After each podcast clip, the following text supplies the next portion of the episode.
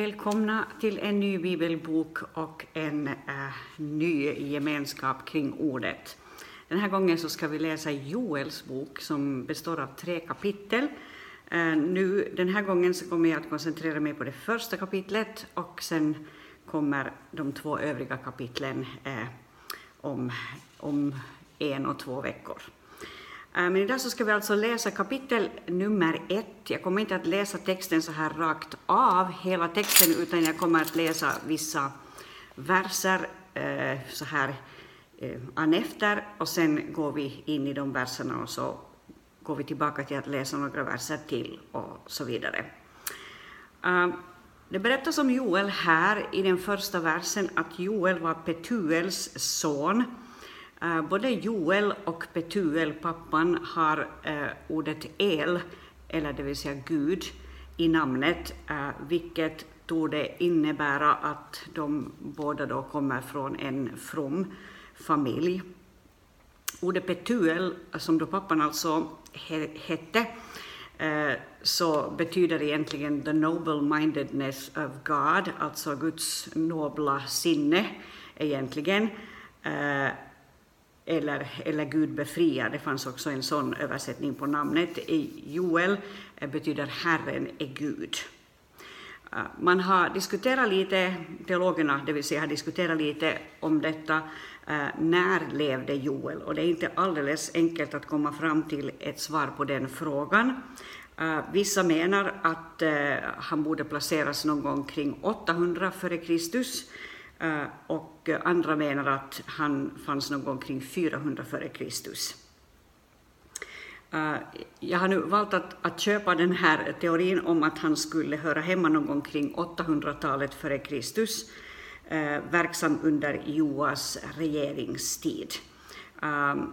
Bland annat David Paulson menar att Joels profetia gavs tio år efter Obadja, Eh, och Badja riktar sig eh, mera eh, kring temat omvändelse för andra nationer, inte så mycket för Guds folk, medan Joel sätter fokus på Guds folks behov av bättring och omvändelse. Och det tycker jag är, är speciellt och det är viktigt och det är intressant. Så vi ska läsa några verser där från början och så ska jag säga något kort kring det här. Det står så här, Herrens ord som kom till Joel, Petuels son. Hör detta ni äldste, lyssna alla ni som bor i landet. Har något sådant hänt i era dagar eller under era fäders tid? Det här ska ni berätta för era barn. Era barn ska säga det till sina barn och deras barn till ett kommande släkte.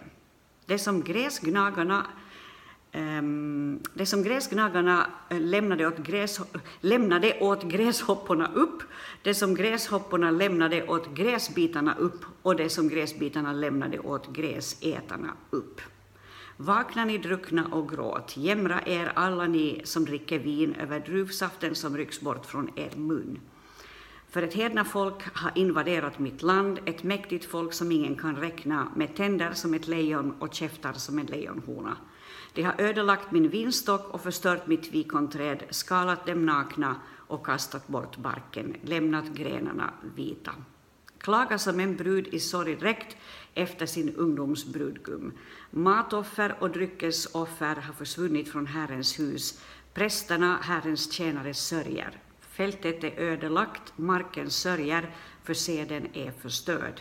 Det nya vinet har torkat bort och oljan har sinat. Stå besvikna, ni jordbrukare, jämra er, ni vinodlare, över vetet och kornet, för skörden på fälten är förstörd.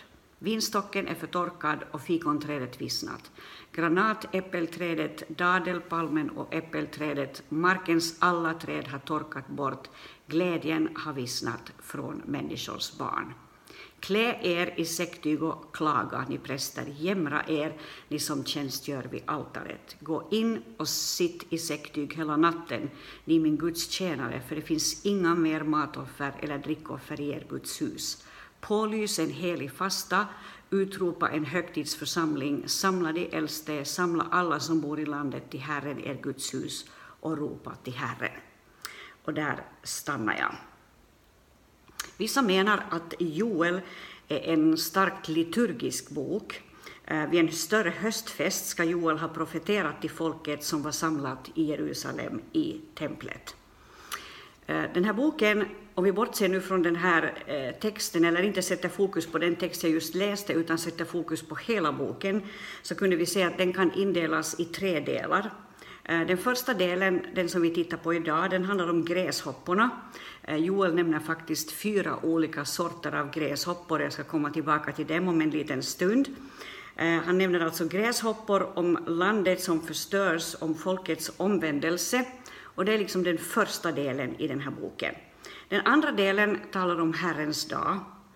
Eh, och den tredje delen talar om det som på engelska brukar kallas för the valley of decision, eller Josafats dal kunde vi också säga här.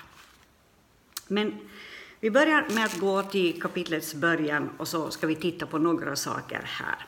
Eh, och innan vi dyker in i det så skulle jag vilja säga så här generellt att när jag läser en bok som till exempel Joels bok eller någon annan av profeterna i Gamla testamentet eller överhuvudtaget någon bok i Bibeln, då tänker jag så här att Guds ord är Guds tilltal till mig.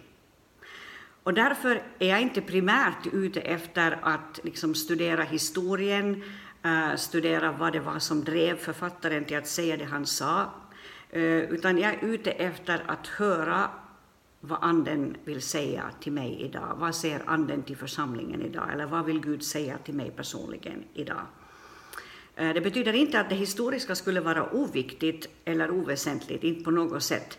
Men jag tänker att genom alla tider har Gud talat primärt genom sitt ord när han har talat till sitt folk. Och det gäller också nu. Och det gör att jag kommer inte liksom att kommentera vers efter vers utan jag är ute efter det där tilltalet. Och det är inte alldeles enkelt att hitta det i den här texten. Och det kan hända att Gud rör vid andra verser vad gäller din del, eller liksom ditt behov, eh, andra verser än vad han rör vad gäller mitt liv. Eh, men, men jag skulle vilja liksom hjälpa dig att sätta fokus där, att det handlar om tilltal från Herren i den här tiden och för oss personligen och för oss som Guds folk, som församlingar, för oss som kollektiv. Och då står det så här i första versen, Herrens ord kom till Joel, eh, Petuels son.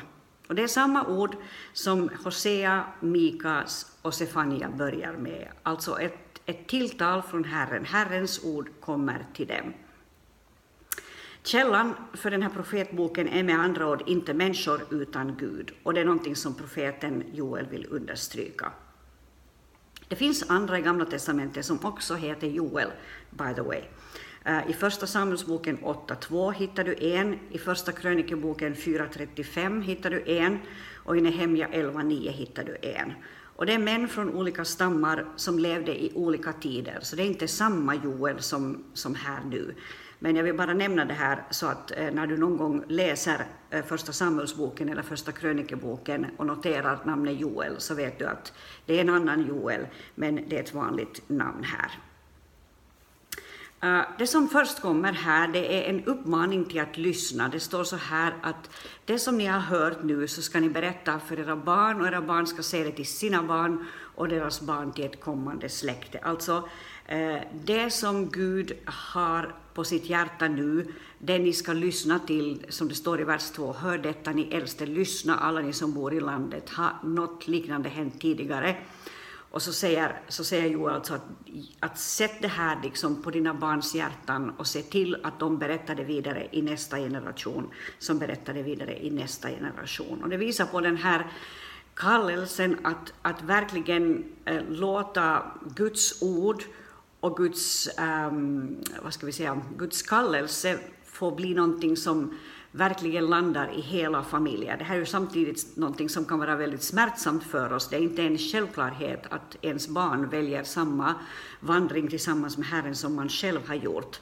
Men i Josua 24 så läser vi de här klassiska orden, jag och mitt hus, vi vill tjäna Herren. Och det är lite samma tanke här också, att det ni har hört, så det ska ni ge vidare i nästa generation, som ska ge vidare det till nästa generation. Eh, alltså så att tilltalet från Gud eh, får, får gå vidare. Det är ett upprop till de gamla först och främst. De har förutsättningar att minnas tillbaka eh, i tiden. Eh, men det är också ett tilltal till alla som bor i landet och budskapet ska gå vidare från generation till generation. Och så kommer här i vers 4 något intressant. Det talas om fyra olika former av gräshoppor. Det talas om gräsgnagarna och det som de lämnade åt gräshopporna upp och det som gräshopporna lämnade åt gräsbitarna upp och det som gräsbitarna lämnade åt gräsätarna upp. Det lär faktiskt vara så att det i hebreiskan finns åtminstone nio ord för gräshoppor. Eh, så det, det handlar om någonting som var väldigt vanligt tydligen. Eh, nu lever vi ju i ett sådant sammanhang och en sån del av världen där vi inte har svärmar av gräshoppor som kan komma så här. Men en av de här kommentarerna som jag har läst, David Pawson, så han, han berättar att han eh, en gång när han var i norra Nigeria så fick han uppleva gräshoppor. Och han berättar att även om det var mitt på dagen så blev det fullständigt mörkt plötsligt. Eh, och han tänkte att att, att det hade någonting med solen att göra, och så såg han en svart, eller en, en mörk, mörk, eh, ett mörkt moln som närmade sig och som täckte solen. Och äh, snart så var vi i ett mörker, säger han, som om det vore, eller som om det hade varit natt. Och äh, han, han skriver så här att I estimated that the locusts were moving at 12 miles per hour and it took an hour and a half for them to pass. After they had passed, we saw that the trees had been stripped off their bark as well as their leaves. Every living piece of vegetation was destroyed. Destroyed. I will never forget it. It was a horrific experience. Så alltså allting försvann på, under den här en och en halv timmen som det tog för hela den här enorma mängden av gräshoppor att fara förbi där i Nigeria allt det resulterade i att allting levande bara liksom åts upp. Och här sägs alltså att, att eh, det kommer fyra olika typer av gräshoppor. Det är gräsgnagarna, eller agzain på hebreiska, det är gräshoppor, eller arbech, det är gräsbitare, eller jelek, eller gräsätare, som heter hasil på hebreiska. Uh, och alla de här fyra sorterna de nämns nog också i, i övrigt i Bibeln. I Amosbokens fjärde kapitel och nionde vers så står det så här om eh, Aksam, eller gnagaren, eh, så här, jag ska snabbt läsa det, Amos 4.9, där det står så här. Jag slog er med sot och rost, säger Herren alltså. Era många trädgårdar, vingårdar, fikonträd och olivträd åt gräshopporna upp. Och ändå har ni inte vänt om till mig, säger Herren. Så här sänds gräshopporna på samma sätt som i Joels bok, eh, som ett eh, tilltal och som en väckelse handling från Herrens sida för att få folket att vakna upp eh, och, eh, och liksom vända om till Herren av hela hjärtat. Vissa tolkare har menat att det handlade om fyra stormakter och inte om gräshoppor, om Assyrien, Babylon, grekerna och romarna. Eh, men, men eh, David Paulson menar att det inte är en så övertygande tolkning, utan han skulle snarare nog säga att det handlar om gräshoppor. Eh, redan under den tiden när Israels folk var i Egypten och började så småningom vara på väg därifrån, eh, så, så kommer vi in i en situation där i Andra Mosebokens nion, förlåt, åttonde kapitel och nittonde vers, där det också talas om gräshoppor. Och det är en av de här plågorna som kommer där på slut rakan. Det är inte den sista plågan, eh, men det är en av de, de senare plågorna som kommer över Egypten och jag ska läsa det från Andra Moseboken 8 och 19 där det står så här. Um, och nu handlar det här inte om gräshoppsplågan utan det handlar om plågor generellt. Det stod så här, eh, då sades påminnen till varandra, det är Guds finger. Och det är alltså poängen här nu att, att sådana här skeenden som kan komma och skaka om en nation eh, menar de det är Guds finger. Men faraos hjärta förblev hårt och han lyssnade inte på dem precis som Herren hade sagt. Och så står det om den åttonde plågan om gräshopporna där det, där det hände enligt, då, enligt följande, Andra Moseboken 10, där det står så här. Um, då gick Mose och Aron till farao och sade till honom, jag läser från vers 3. Så säger Herren, Hebreernas Gud, hur länge ska du vägra ödmjuka dig inför mig? Släpp mitt folk så att de kan hålla gudstjänst åt mig. För om du vägrar släppa mitt folk, se, då ska jag imorgon sända gräshoppor över ditt land. De ska täcka marken så att man inte kan se dem. Det sista som är kvar efter haglet ska de äta upp och de ska gnaga av alla era träd som växer på marken. De ska fylla dina hus och dina tjänares och alla egyptiernas hus så att dina fäder och förfäder inte har sett något liknande från den dag de blev till på jorden ända till denna dag. Sen vände han sig om och gick ut från farao. Uh, och, uh, och tyvärr så är det ju då så att eh, farao ändrar inte överhuvudtaget på eh, sin attityd och istället så händer just det här som Herren har sagt att ska hända. Och det står så här lite senare då i vers 13, då räckte Mose ut sin stav över Egyptens land och Herren lät en östanvind blåsa över landet hela den dagen och natten. När det blev morgon förde östanvinden med sig gräshopporna. De kom över hela Egypten och slog ner i stor mängd över hela Egyptens område. Så mycket gräshoppor hade aldrig förekommit och ska aldrig mer förekomma. De täckte hela marken och landet blev mörkt. Och de åt upp alla landets växter, all frukt på träden och allt som haglet lämnat kvar. Inget grönt blev kvar på träden eller på markens växter i hela Egyptens land. Då kallade farao snabbt till sig Mose och Aron och sade, jag har syndat mot Herren er Gud och mot er, men förlåt nu min synd den här enda gången och be till Herren er Gud att han bara tar bort denna dödliga plåga från mig. Uh, och uh, ännu efter den här upplevelsen så kommer en nionde plåga, det är mörker och, och, uh, och en tionde plåga, det vill säga då när det, den förstfödda dör eller i, i varje familj i Egypten. Eh, men vi ser att det här var liksom verkliga starka upplevelser och det var liksom en skakning som drabbade hela landet. Och det är tydligen då någonting eh, som fortfarande händer över vår värld eh, i områden där, där det här är liksom något som hör till det vanliga. Det stora allvaret och skillnaden när vi läser Joel nu då i jämförelse med den här texten från Andra Moseboken och som handlade om Eh, Israels barn i Egypten och om egyptierna, så den stora skillnaden är ju att det är Guds folk som blir um, tilltalade i Joels bok och det är Guds folk som hamnar ut för de här gräshopporna. Eller liksom, tanken är och budskapet är att om ni inte, alltså tilltalet går då till Guds folk, inte till farao, inte till de ogudaktiga, inte till de som inte bekänner sin tro till Herren, utan Guds folk, om ni inte vänder om och gör bättring, så ska det här komma över er. Det som kom över Egypten ska komma över Juda med andra ord. All right. I vers 5 så kommer då ett ord till de druckna. De har sin dryckenskap som Gud.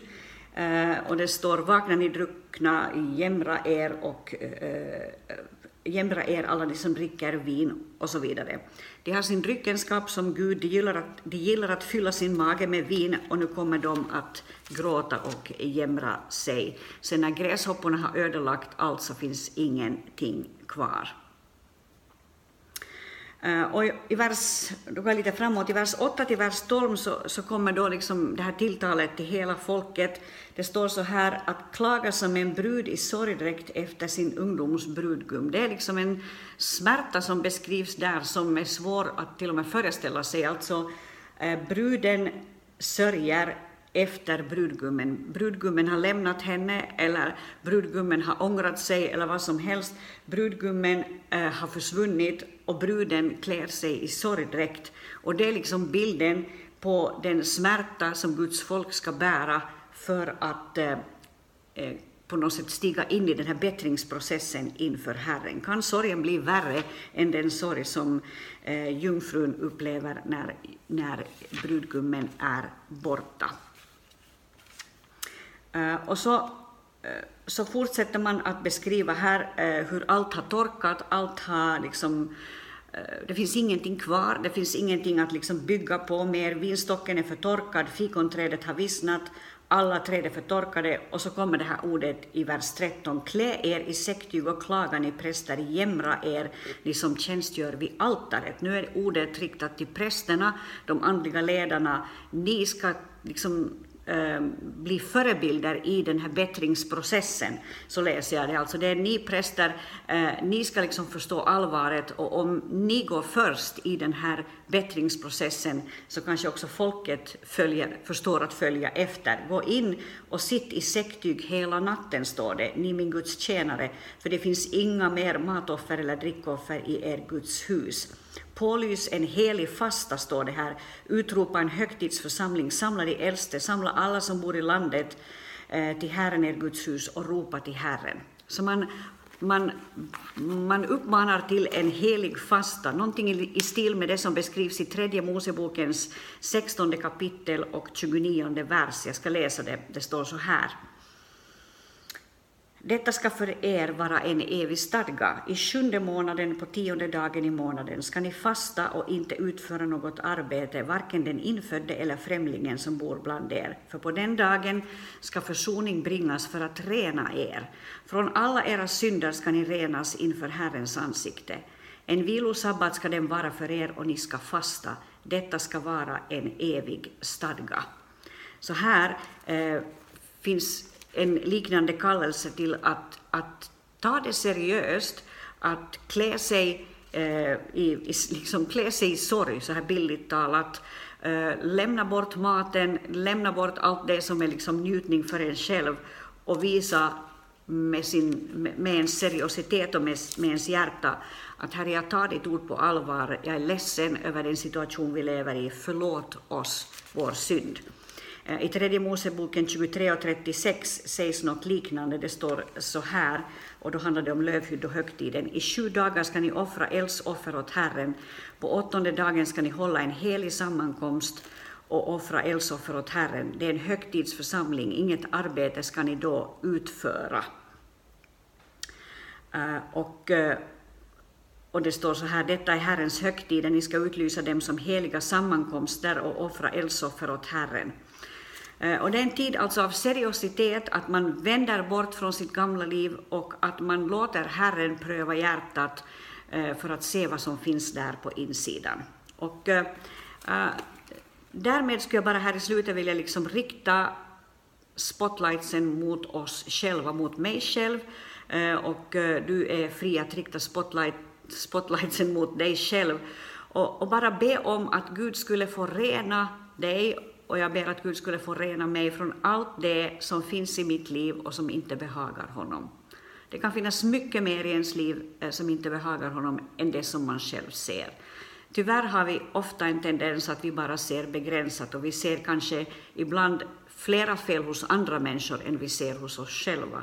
Vi ser en, en, en så kallad större andlig brist hos andra än vi ser hos oss själva. Och det här ordet i Joel är nog ett ord, uppfattar jag det som, i den här tiden, att göra bättring inför Herren och bara be Herre förlåt oss för alla felaktiga prioriteringar i våra liv. Förlåt oss att vi inte har tagit ditt rike på allvar. Förlåt oss att vi är så snabba att på något sätt komma ur eh, en sån här sund oro inför Herren Eh, vad gäller vårt eget liv och liksom slarva bort vårt liv och, och, bara liksom gå in i sånt som är njutning och glädje och, och, och, och på något sätt ytlighet, när vi kunde leva med en sån här längtan efter att spegla oss i Guds helighet. Uh, vår enda räddning som människor är uh, Jesu Kristi försoning och den finns till för oss. Så när vi gör bättring inför Jesus så är det ju inte en Utgångsläget är inte detsamma som på Joels tid. Eh, då fanns, liksom ingen, eh, då fanns liksom ingen väg till försoning på samma sätt som vi har idag. Det står i Bibeln alldeles superövertydligt att på grund av Jesu blod, det här är Hebreerbrevet, har vi fått tillträde in i det allra heligaste. Och eh, där finns försoning för oss. Och därför har vi chans idag att bara be Gud rena oss från allt det som inte behagar dig Kom över våra liv och kom över vårt land med en ny besökelsetid. Låt oss få uppleva att människor, inte bara eh, några få här och där, men människor i stora skador, skaror i den här tiden vända tillbaka till dig, eh, så, som, så som Joel uppmanar här till, så att vi får ett land som är eh, hungrigt efter försoning, hungrigt efter Guds förlåtelse och hungrigt efter en ny början.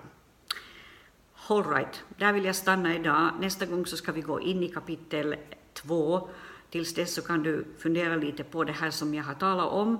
Eh, be om att Gud ska visa dig ännu mycket mer. Det här är ju bara en liten introduktion. Be att Gud visar dig mer. Och be framförallt att det här får gå djupt i ditt eget hjärta så att det inte bara blir en, en, en hjärnans eh, vad ska vi säga, analys och eh, funderingar så här på, på hjärnkontorsnivå, utan att det verkligen får bli någonting som berör ditt liv, som går igenom ditt samvete, som går igenom dina tankar, så att Guds ord får gå djupt.